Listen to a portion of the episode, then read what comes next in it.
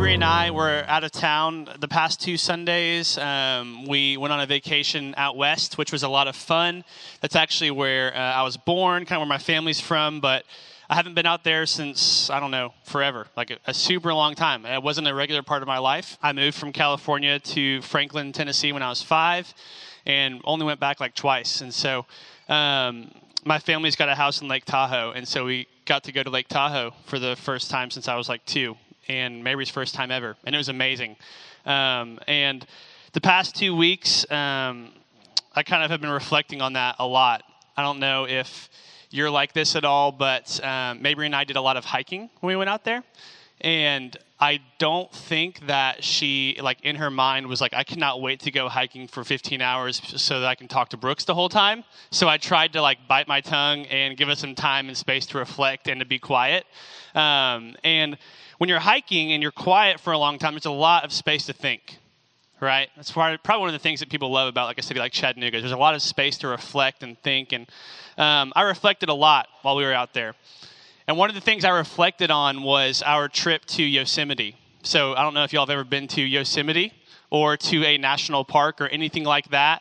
But when, whenever we told people that Mabry and I were going to Lake Tahoe, um, they were like, "Oh my gosh, y'all have to go to Yosemite! Like, make it, make the trip. It's going to be amazing. It's going to be worth it." And so I was like, "All right." So I was like looking it up, and I put it in the GPS, like the address of Yosemite to the house that my family owns in South Lake Tahoe, and it was two hours. And I was like, "Okay, that is very doable, right? Two hours, we got this, no problem. It's going to be amazing." And so um, part of what we did was on Tuesday while we were there we woke up at 4 a.m. Um, and we drove to Yosemite from our house in South Lake Tahoe. And I don't know about y'all, I had never been to a national park. The biggest park I've been to is Coolidge up until this point. Okay? Yeah, I know. It's pretty sad, Laura. I know. Um, but if you have never been to a national park, let me be the first person to tell you it is not like Coolidge Park. Okay? Um, so I, uh, yeah, I had friends who were like, Yosemite is the best place on earth. Like, I don't know if you have people in your life who they've given you enough solid movie recommendations and book recommendations that you just trust something is good if they tell you it's good. Or on the flip side, someone's told you to watch a movie and then you've watched it and been like, that was the worst movie I've ever seen. I hope they never asked me if I actually watched it, right? Some of my friends who, like, they've never led me astray, they were like, Yosemite is my favorite place on the face of the earth you have to do this. And I was like, all right. So, like I said, we wake up at four, make the trip, and um, we end up rolling up at about oh I don't know like seven seven fifteen. We had taken some time in the morning to pack like a cooler for the day, right? Like we had gotten all of the uncrustables, all of the body armors. We were ready for some hiking. We were ready for this Yosemite trip. We stopped to get coffee, and we get there, and I remember um, as we were driving up, like we get to the gate and they give you like this map of Yosemite with all these things that you can do in Yosemite and like all there is to see in Yosemite. And I am like hype. I'm here for it, right? I'm so stoked. Literally, as we're driving, once we get through the gap, every 15 seconds, I'm like, oh my gosh, Mabry, is that El Capitan? Right? Like, I am like looking for this thing. If you don't know what El Capitan is, watch the movie Free Solo. It'll probably change your life. Your palms will be sweating the entire movie, but it is worth it because somebody climbed the face of El Cap with no ropes or anything. It's amazing. Um, but every 15 seconds, I'm like, oh my gosh, Mabry is that El Cap? Is that El Cap? What's going on? Right? Um, and so we keep driving, and I'm like, hey, I haven't seen El Cap yet. Like, you should you should look at this map to see where El Cap is because I don't want to miss it. And so, um, as we're driving, she pulls out the map, and I'm like looking over at it, and I see Yosemite, Yosemite outlined on this map, and I see this one little section that's like zoomed in on. You know, like when they zoom in on a map and then on a different part of the map, they show you what's inside that zoomed in part with a little key. So uh, it has one of those. And in that little zoomed in part is what's called Yosemite Valley. If you've ever been to Yosemite, you know this. And in Yosemite Valley, it's like here's El Cap, here's Half Dome, here's the tourist center, here's the bathrooms, here's all these trails and hikes. And I was like, all right, sweet. Like, uh, we're on our way. I cannot wait. And then I look at the map and I see that there's three different trails or roads to Yosemite Valley. They're each from a different gate in the in the park. And each of these roads, as I'm looking at the key, it's like, okay, this is the one you're on. It is like 90 miles, and it's two hours to Yosemite Valley. I look at the next trail, same thing. Third trail, same thing again. So I see it and I said, Hey, Mabry, are we about to be driving for two more hours? And she's like, Nah, there's no way. Like, surely someone who we trust, who told us that Yosemite was the most amazing place on earth, would have been like, Hey, just so you know, when you get there, you got another two hours to get to where you want to go, right?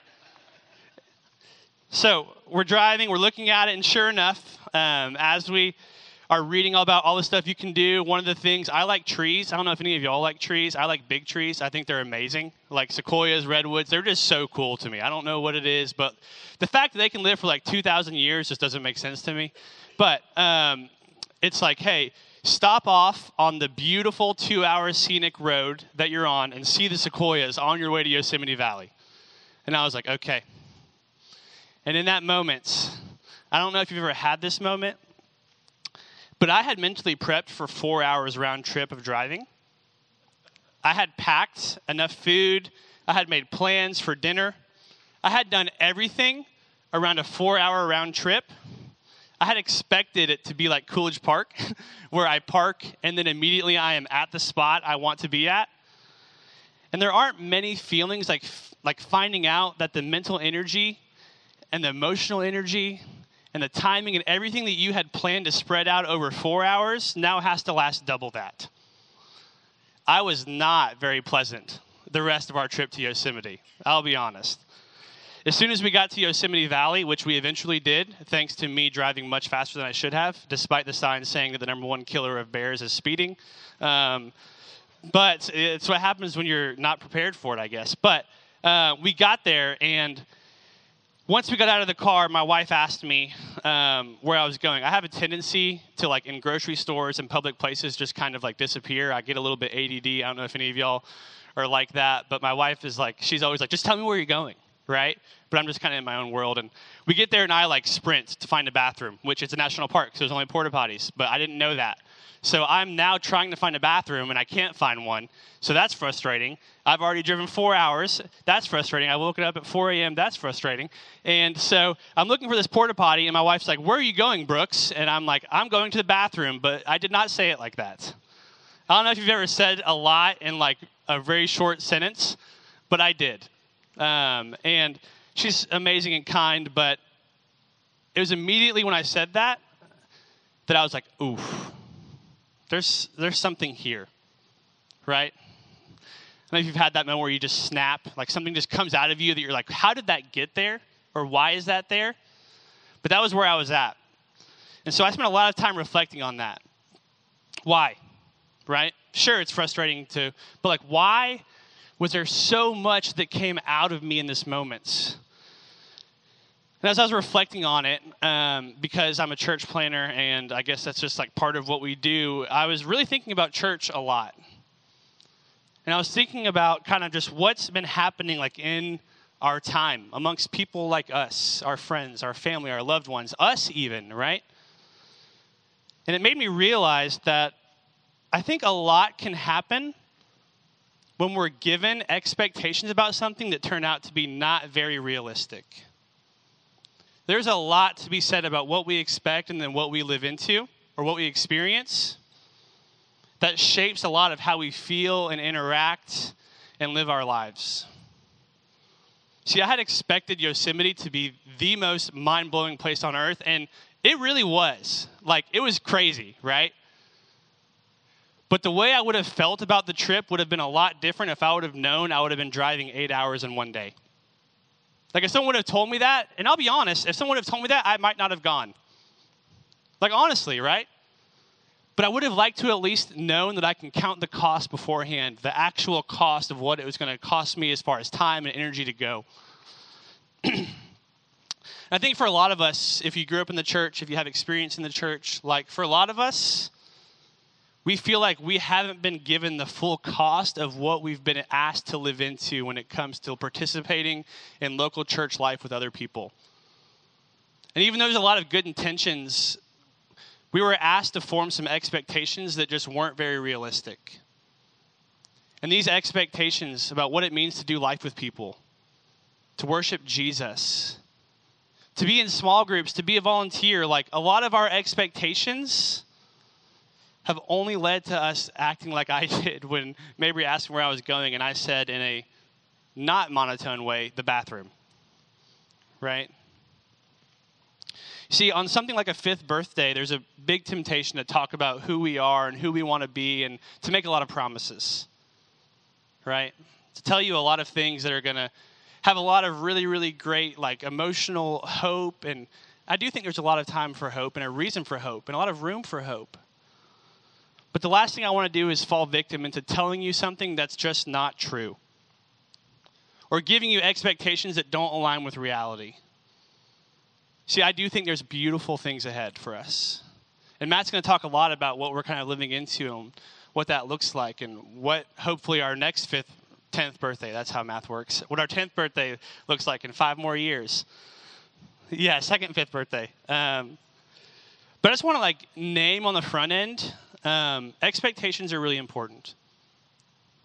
And the last thing we want to do is try to ask you to make expectations that aren't realistic because, to be honest, as beautiful and wonderful and amazing as the past five years have been, they are almost nothing like what I thought I was getting into when I got into church planting, and they have been hard. But despite the fact that they have been hard, they've been beautiful.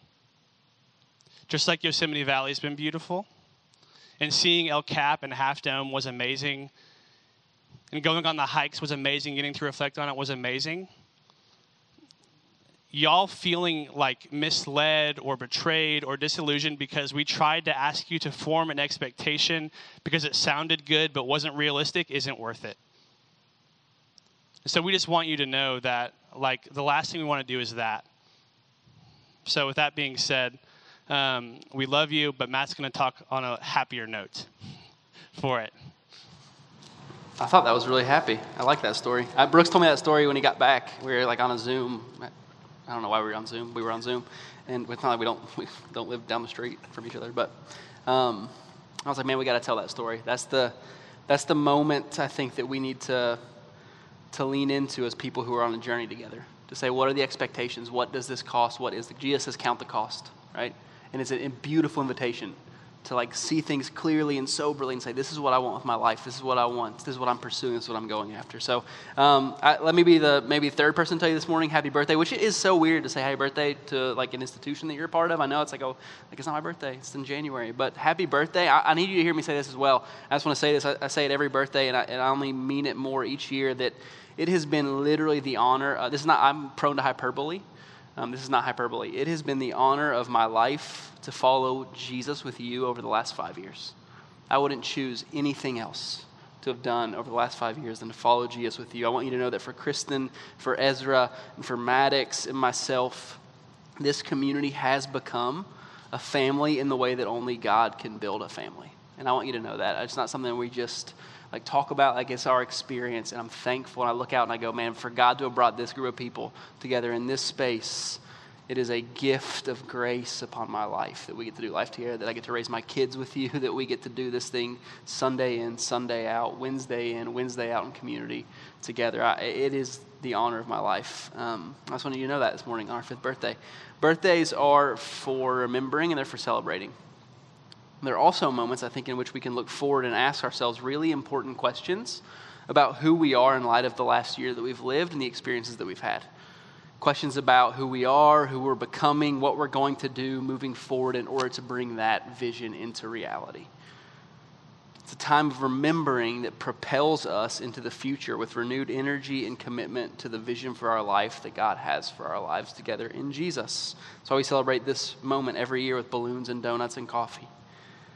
Brooks has already named it this morning, right? I think one of the biggest dangers to the church in our moment, generally throughout history, but especially in our moment, are misplaced and misgiven expectations of what this means, of what this looks like, of what happens here. So, in light of all that we've learned and experienced and weathered and carried together over the last five years, I'll just tell you, global pandemics are not on like the like the strategic five year plan for for planning a church. They're not. I promise and so many other things that we've experienced and lived to, through together I want us to ask the question this morning what do we want our lives together around Jesus to be? What will it look like? How will it be marked out? And how can we get there together? Obviously, there's a lot there to talk about that could be said, but at the end of the day, on our 10th birthday together, or our second fifth birthday, as it's come to be known this morning, when we look back, what will we be able to say that we've been running after together over the last five years? And is it worth giving our lives to? I think it is. But one of the things about birthdays and celebrations like this is that they give us an opportunity to be honest with ourselves. I think is critically necessary in our moment to be honest with ourselves, who we are, where we are, what's happening. Right? To recommit ourselves to a vision of our shared life together. And so in light of Brooks' story in our celebration this morning, I wanted to look at Jesus' invitation just really quickly. We've been in we've been in Genesis for the last month and a half. We'll be in Genesis next week. But I just want to take a pause this morning and look at Jesus' invitation for our life together in him as we follow him into the good and beautiful kingdom of God. So if you have your Bibles, John chapter 15. That's where we are this morning. If you need a Bible, grab a Bible. There's one in the back. You can take it with you. It's our gift to you. John chapter 15, just a little bit of context, right, in John chapter 15. So John 14, 15, 16, and 17 is one conversation between Jesus and his followers.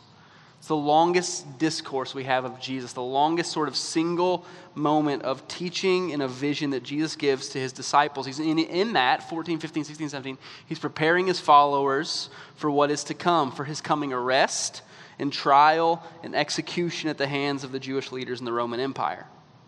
It is this conversation, Jesus looking at his closest friends, his disciples, his apprentices, who are standing at the threshold of the most difficult moments they will endure in their discipleship. That's the moment.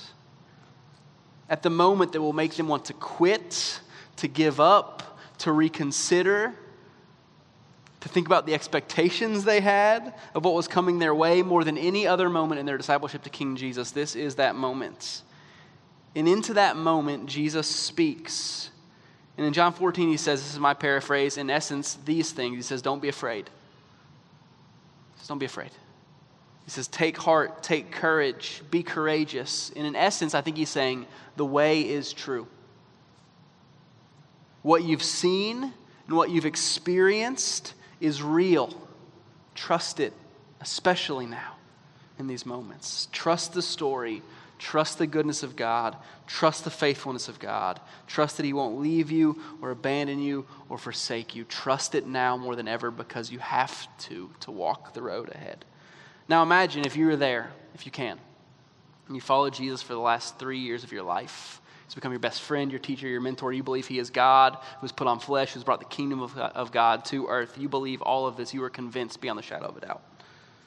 Well, maybe the, there's a little shadow of a doubt. What would your question be? What would you be thinking?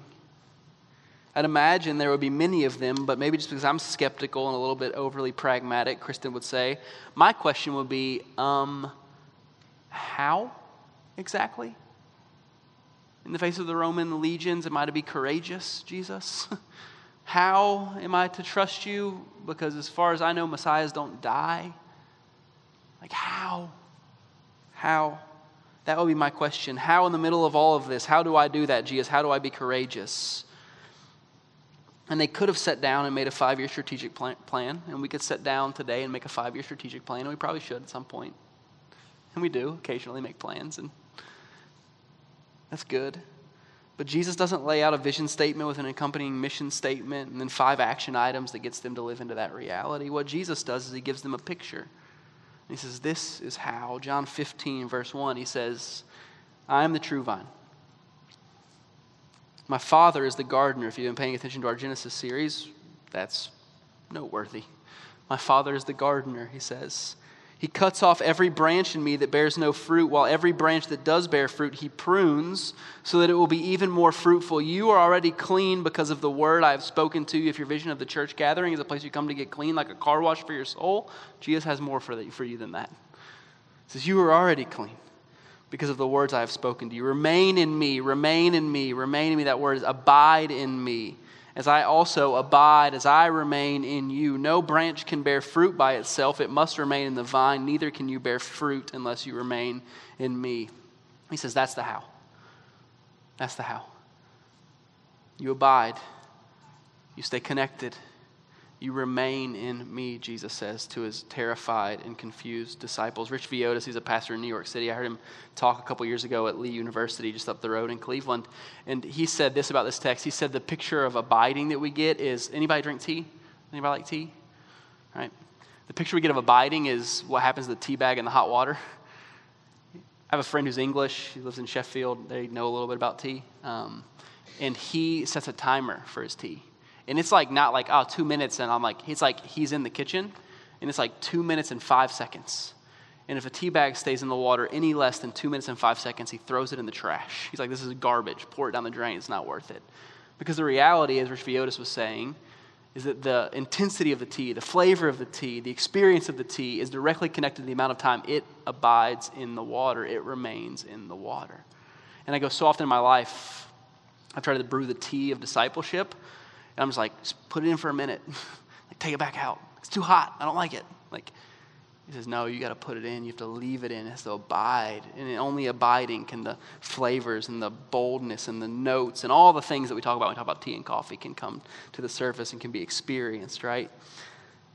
I've been thinking a lot about that this week in light of what we're called to do to be as disciples of Jesus. I lived in, many of you know this, I lived in northern Mexico for a season of my life, and I lived on the west coast of Mexico, which is the same climate zone as San Diego and Los Angeles. A lot of California talk today. I didn't really intend for that, but go California, I guess. Um, same, same climate, right? And so if you know anything about the climate there, it's amazing for vineyards and for growing grapes that are then turned into wine. It's like the most like uh, underappreciated wine country in the world, the northern Mexico. Um, west coast and there was there's a million vineyards there and um, they i mean i'm talking like miles as far as the eye can see of just vineyards. Is amazing. And while i was living there um, one of the vineyards expanded like tripled their operation and they bought like literally a mountain like the whole mountain. And they then they like bulldozed everything and they planted vineyards all over it. And we would drive by it and i was like these are the most unimpressive grapevines i've ever seen. For like three years we would drive by and it's like don't they, are they supposed to get green? Like, just these like sticks, right? And every time they would get green, they would cut them. They would like, I'm like, what are y'all doing? Do y'all know how, like, and, and so because we were interested, we took a tour, which was amazing and fascinating.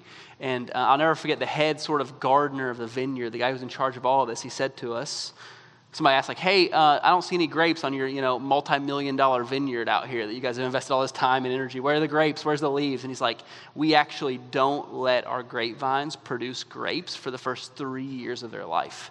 And i'm like in the back like i don't i wasn't a business major. That seems like a really bad idea. Like the whole business is like grapes wine right? Like you guys know how this works right? And he was like here's the truth. If you don't give the grapevine three years in which that grapevine can pour all the energy that it creates from the sun, from the rain, from, from living for three years into the trunk and into the roots of the grapevine, it will never be able to bear, it will not be strong enough to bear the weight of the fruit that we are expecting it to produce.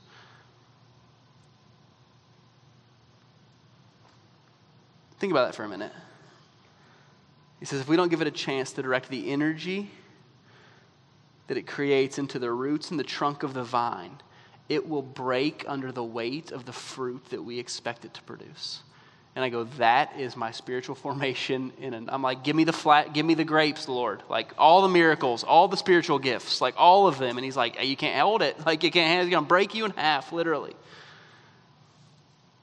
Mark Sayers in his book Disappearing Church if you haven't read it, I would recommend reading it. It's about the, cult, the cultural moment we find ourselves in in the church and the witness of the church. He talks about um, organisms in the created order called extremophiles. Have you guys, anybody like biology majors in here? Extremophiles. They are organisms that live in places that no organism should live like uh, undersea vents where like the ocean is just like spouting out poison. It's like, yeah, I got it, bacteria and things that have like. And there's this this example he talks about in the jungle, right? I don't know if any of you have been in the woods recently. We have some woods behind our house, and a tree fell down in the one of the windstorms we had recently, and um, it totally changes the sort of moment, right? Like you have the canopy, and we were walking back in the the woods, and like our kids are four and three, and they're like, "What? Something's different." Like there's, why is there more light? I'm like, well, that tree fell down, right? And he talks about these trees in the jungle. So even, we don't live in the jungle, but like in the Amazon rainforest, right? Where like the floor of the rainforest gets no sun because the sun can't penetrate the canopy. When a tree falls down, you see this amazingly like beautiful like biological process starting to happen where like as soon as the sun hits the, the floor of the jungle, what happens? Plants begin to grow up, right? That have just been there waiting, right? And he says, at first you'll see these trees, all these trees like explode up rapidly, but with like very skinny trunks, right? And they grow up quickly, and it's a race to the sun, and some of them die out because they don't get enough sun because of the competition with all the other trees. And then, and then after a little while, those trees grow, but then all these sort of like um, these parasitic vines spring up, and then they choke out the trees. And he says, after a while, you begin to see another tree grow to fill the space, and it grows faster, but also bigger and more robustly and more strongly. The parasitic vines can't hold it down, it outcompetes all the other trees for the sunlight, and then the canopy is restored as this tree sprouts up and restores the jungle to the way it was. And he says the reality is this that those trees that form the canopy of the jungle of the rainforest, they've been spending their time and energy growing roots and developing below the surface. And when the opportunity arises, they have the strength and form to be able to grow into that space, to fill it, and to stand strong. They're not overcome by the parasitic vines. They're not rushed and hurried to fill the space, and therefore anemic and weak and unable to withstand the hardships of life. They are strong and they are rooted and they are ready to face whatever may come. And for that reason and that reason alone, they last. And I want to name it for you this morning. This isn't a strategic plan, but it is a vision that we want to be a community of followers of Jesus that grows in such a way that we have the requisite strength and formation to live and to thrive and to bear witness to Jesus and his love and goodness in the midst of an increasingly complicated and divisive and antagonistic and polarized time. That's what we want. That's what we're going after. We're not here to play church. And I say that as, as respectfully as I can. It's not enough to come on Sunday, to say some nice things to one another, and then to disappear into the world for the next six days and come back and do it all again. That's not what Jesus has for us. If we don't want transformation, and again, hear me say this as like gently and as if we don't want transformation, the church of Jesus is not the place for us. If we don't want it, it's not the place. This isn't the place. And the way we, the only way we can do that, to live into that vision, is to be uncompromisingly, Jesus says, I think in this text, connected to Jesus at every level and every moment of our life together as a church. Like that's the filter, right? Does this help us connect ourselves more to Jesus, to the vine? Does it help us abide, to remain, to rest, to grow, to strengthen ourselves, to grow roots in Jesus? If it does, then we'll do it. If it doesn't, then we're not going to do it. We're committed to that as a church. He goes on to say, verse 5 I am the vine, you are the branches. If you remain in me and I in you, you will bear much fruits. Apart from me, you can do nothing. If you do not remain in me, you are like a branch that is thrown away and withers. Such branches are picked up, thrown into the fire, and burned. If you remain in me and my words remain in you, ask whatever you wish, and it will be done for you. This is to my Father's glory that you bear much fruit, showing yourselves to be my disciples. You see the connection, the glory of God, discipleship, the bearing of fruit in the kingdom of God. Um, a lot of you know this. I told the story earlier in the summer. You're going to hear it a lot because it's just like working on my heart. Like Maddox and I were sitting on the back porch. We decided that we were going to be urban farmers and grow tomatoes this year because we didn't have enough going on already. Um, that seemed like a good idea. So we invested like, ah, I figured out by the end of the summer, the amount of tomatoes we got, they cost like $7 a tomato. Like that's that was the investment that we had. So, um, anyway, take that. we might be dumb. Uh, but Maddox and I, we loved it. It was amazing. We, it became part of our rhythm throughout the summer. We would, we would kind of wake up and go out on the back porch and look for new tomatoes. And it was fascinating, right? And there were a couple days there where we missed. I told you the story. We missed a couple days. And Maddox came out and he was like, Where'd that tomato come from? It's like magic. It just appeared. And I go, son, you are like preaching to me. Um, I'm like, it didn't just appear magically. It actually grew over the two days that you weren't, you weren't out here to see it. Like you didn't perceive it, but it was happening. The, the, the plant was producing it. And so then we got to have a talk about like how tomatoes show up on earth, and that had some questions, and it was good. But anyway, um, I was so this is like kind of our experience, right? And we said like, oh man, there's a invitation to steward the fruit, right? So like as the people who are like trying to grow these tomatoes, like I, it's my job to take care of this thing. And my grandpa came. He's um, 86 and uh, knows way more about everything than I do. Um, and he was like, "Oh, cool tomato plants." And I was like, "Yeah." Was, he's like a garden, you know, for like hundred years he's had a garden. And he's like, um, "You gonna you gonna take care of them or what?" And I was like, "Step off, man! Like, like, I got four pl- tomatoes in a pot on my back porch. Like, I'm an urban farmer. And he's like, you got to cut the suckers off. And I was like, what's that? that? That's not English. That's not a thing. What are you talking about? And he's like, yeah, there's parts of the tomato plant. The tomato plant will basically reproduce itself. Like, it'll grow new parts of the tomato plant that are capable of producing flowers and tomatoes on. So he said, if you don't cut them off, he said, you will have a beautiful tomato plant. It will be lush and big and green and gorgeous. I'm like, that's what I'm going for. Why would I cut them off? He's like, you'll have no tomatoes. And I was like, well, that's kind of counterintuitive and kind of the point. So, like, he said, if you don't cut the suckers off, there's literally part of the plant that will steal and rob the energy of the plant from the tomatoes. It will not make fruit. It will just grow big and bushy and lush, and it will be a terrible tomato plant. But it'll look good on your back porch. So, if you want to do it, so you have to cut the suckers off. And I go, it's possible for us it is possible, not only possible, it's probable that you could have an amazing looking church. Just beautiful. And there be zero fruit of the kingdom in it. That's possible. And if we don't actively, like, and, and here's the picture that Jesus gives us is that my Father is the gardener. When you submit your life to the good gardener in discipleship, he will prune off the suckers in your life. And you know what sometimes that looks like? It looks like an ugly tomato plant. It does. Grandpa got done with him, and I was like, You killed our tomato plants. Like, what have you done? It's like $100 of tomato plants. What are you like? Pruned them, he took care of them, and we had tomatoes, we got fruit. And I go, It's possible for us to look amazing, to do all things right, to have all the best programs, to have all the best vision, to do all those things, and to not experience any fruit of the kingdom, not experience any transformation. Jesus says, My Father is the gardener. He will prune you. Remain in me. There are things that you could do that are not worth the energy of doing them. It's to my Father's glory that you bear much fruit, Jesus says. And in bearing fruit, you show yourselves to be my disciples. He goes on and he ends this way As the Father has loved me, so I have loved you. It's wild that Jesus says this.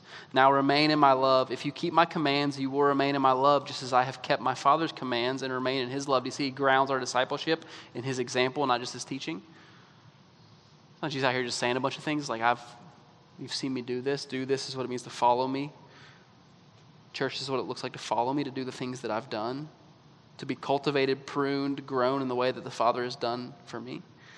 Verse 11, I have told you this so that my joy may be in you and that your joy may be complete. Pruning is hard, but there's joy that comes in it. My command is this love each other as I have loved you. Greater love has no one than this to lay down one's life for one's friends. You are my friends if you do what I command. I no longer call you servants because a servant does not know his master's business. Instead, I have called you friends. For everything that I learned from my Father, I have made known to you. To see what Jesus is doing, saying, You're my friends. And greater love has no one than this than to lay down their life for their friends. Jesus says, I'm about to do something for you that will demonstrate to you the love that I have for you as my friends. Follow my example. He says, You did not choose me, but I chose you and appointed you so that you might go and what? And bear fruit, fruit that will last, he says. And so, whatever you ask in my name, the Father will give you. This is my command love each other. That's our text this morning. It's an amazing one. But here's maybe the most amazing part of all of that the invitation of Jesus is to abide, the command of Jesus is to love. And I think Jesus looks at his disciples and he says, The only way you can abide, the only way you can remain, the only way you can stay in me and I in you, the way that you grow, the way that you bear fruits, the only way that you can do that is in the context of love, of a community of ruggedly committed love. Jesus, I'm about to model for you what your love for one another must look like if we're going to do this thing together. This is greater love has no one than this than to lay down one's life for one's friends. Guess what? You are my friends. And I'm going to show you what love in the kingdom of God looks like and means and demands. You see, all of the talk about abiding spiritual formation, of growth, all the things we talk about all the time and pray for and ask the Holy Spirit of God to do among us. It all happens in the context of a loving community, a beautiful community. It all happens in the context of loving one another well and cheering each other onward and forward into life and discipleship together. And I just want to be really honest with you because I don't want to create false expectations this morning. That's like kind of what we're trying to not do. This is the hard part. This is the hard part. The abiding is hard, I guess. But the loving is where it's risky. It feels safer.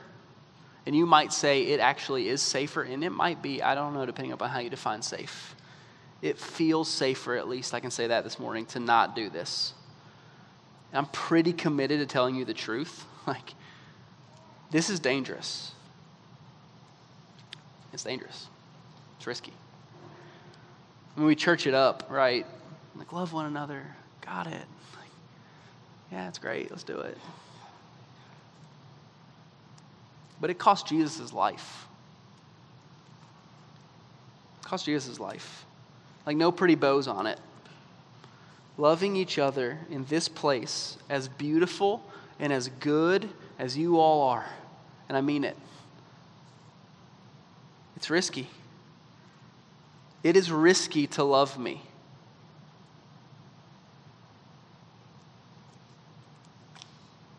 It's risky to love me. Ask Kristen, ask my kids. My parents are here this morning. Ask them. Ask Brooks, who gets to work with me every day. Like, it's risky. I will let you down. I'm just use myself as an example because I don't want to use you. It's not fair. I will let you down. I will mess up. It is risky to love me in the context of ruggedly committed community around Jesus. It is risky. Ask anyone who's ever loved me. It's risky. But it's only in the context of that love that I can be transformed by the one who meets me in it, in the presence of those who love me and who are committed to me. I want to be honest with you this morning, expectations wise. The last five years have held for me personally the highest moments of joy and beauty that I have ever experienced. I've watched some of you be baptized into Jesus. I've watched wives baptize husbands. I've raised my kids with you. I've seen you demonstrate to them the beauty and the love and the grace of the kingdom of God. These last five years have held, without a doubt, the most beautiful moments of joy that I've ever experienced, moments that I will carry with me no matter what happens, quite literally until the day the kingdom comes in its fullness or I die.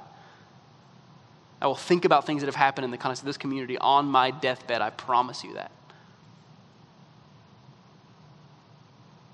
Moments that drive me to this day, to this, like, to, to my knees in worship. Just thanking God that I got to experience them. Just grateful they've also held some of the more painful and demoralizing moments of my life. That's just true. And those have come, all of them, at least the great majority that I can remember and think of and haven't blocked out and, you know, sort of walled off because they're too painful. All of them have come as a result of risking this kind of love. And I want to be clear, others could say the same thing this morning about me because they risk loving me. They've experienced some pain and hurt that they could talk about in the same way. Like, it's not we disappoint each other and we hurt each other and we come up short. But I can stand here this morning, I can tell you, so far, five years in, it's been worth it to see what God has done. To see where He's continuing to work and to trust that He'll bring about that which He started to a beautiful conclusion, even though I may not see it or experience it this side of the kingdom. Scot McKnight, this is where we'll end. Scot McKnight wrote a book, he's a scholar. He wrote a lot of books. One of them is called A Fellowship of Differents. I think it's important that we define well love if we're going to pursue love as the way of our life together. The best definition I've ever seen of love in the way of Jesus is found in this book by Scot McKnight, and he defines it this way. He says, Love in the way of Jesus. If you're a note taker, this might be helpful to write down just to remember it.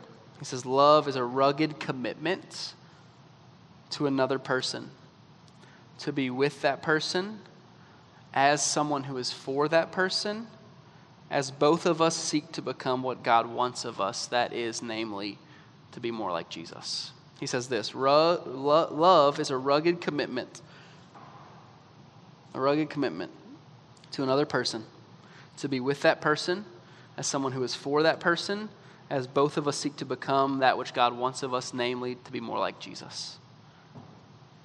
Says, Love is a rugged commitment. Do you have any? I, I cut this out in teaching team, but I'm going to add it again because I love New Girl and I can't not. Have you guys seen New Girl? Anybody seen New Girl? Kevin's like, I told you to cut that, dude. It's so funny. You know Winston, who is without doubt the best character in New Girl. Um, we can debate it later. Uh, he's sitting. Do you remember they're talking about? Um, I don't remember. I tried to find the clip. I couldn't find it this week. They're talking about um, running for president. You guys remember this scene? Like somebody's going, and then like, suddenly we're like, Winston should I'd vote for Winston, and he's sitting at the counter eating a bowl of cereal, I think, and he sort of turns back around to everybody. and He says, "Hey, if I run for president, there's some things that are going to come out, come out, come out about me. I just need y'all to ride with me." Basically, that's what he says. And like whenever I think about rugged commitment, I'm like, "That's it. Like, let's go." Like the more serious story. I remember. Um, I sorry, I should cut that out, but I just love New Girl. Um, Kristen and I were recently married. We've been married one year. I don't recommend this. Um, do the work on the front side of marriage. We've been married for a year, and I, I'm an Enneagram 1. You know that about me, so I like to just ignore all the things that aren't, like, great about me just because they shouldn't be, and I'll just, like, think about them in my own heart and just, like, punish myself for them on my own. Uh, it's no way to do life or a relationship. And so there was this moment we were running, we were getting ready for these races, and I was just, like, racked by anxiety, right? Because I felt like I had asked Kristen, who is the most wonderful person on the planet, to marry me, and I had sort of not been fully honest, like, a, you know, who I am. Like, I really good, like, this is who I should be, but, like, actually, uh, it's not all great in here. And um, she is much smarter than me, and she knew all of that. It was not a surprise to her. I didn't trick her. Um, and so we're running, and the Holy Spirit of God's just like, you gotta, like, you you can't live this way. You gotta just like, you gotta just be like, hey, I'm this is me, you know, warts and all. Um, and so we're running, and I'm like, I don't want to, Lord. This is terrifying. I start running behind her, a because she's faster than me, but also I'm like, I can't even like, I don't know what to do. This is hard. And so we get home, and I'm like.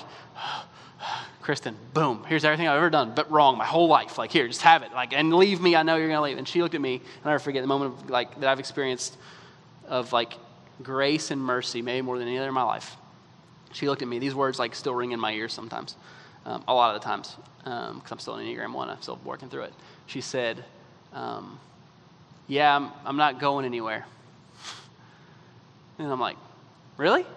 Like, she's like, Nah, yeah, this is it. Like, I'm not going anywhere.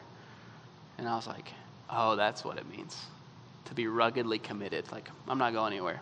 Like, she said, literally, you could murder someone and I would wait for you on the other side. And I was like, really? I don't know about that. Like, like, I'm like, yeah, so maybe she's changed. It's been 10 years, so you can ask her if that's still true. But I'm like, that's what it means. Like, and I'm like, that's what it means to be ruggedly committed to one another. That's the only context in which this thing works. To know you're not going anywhere. And it's hard and it's painful. And there are times, I mean, like, there are times you should leave communities and friendships and relationships. It's not what I'm saying. A rugged commitment is not staying in a place that's dangerous, it's not enabling bad behavior, it's not any of that. But it is saying, I love you and I know that God is committed to you, and so I'm going to be as committed to you as I can possibly be. I'm not going anywhere. I'm not going anywhere.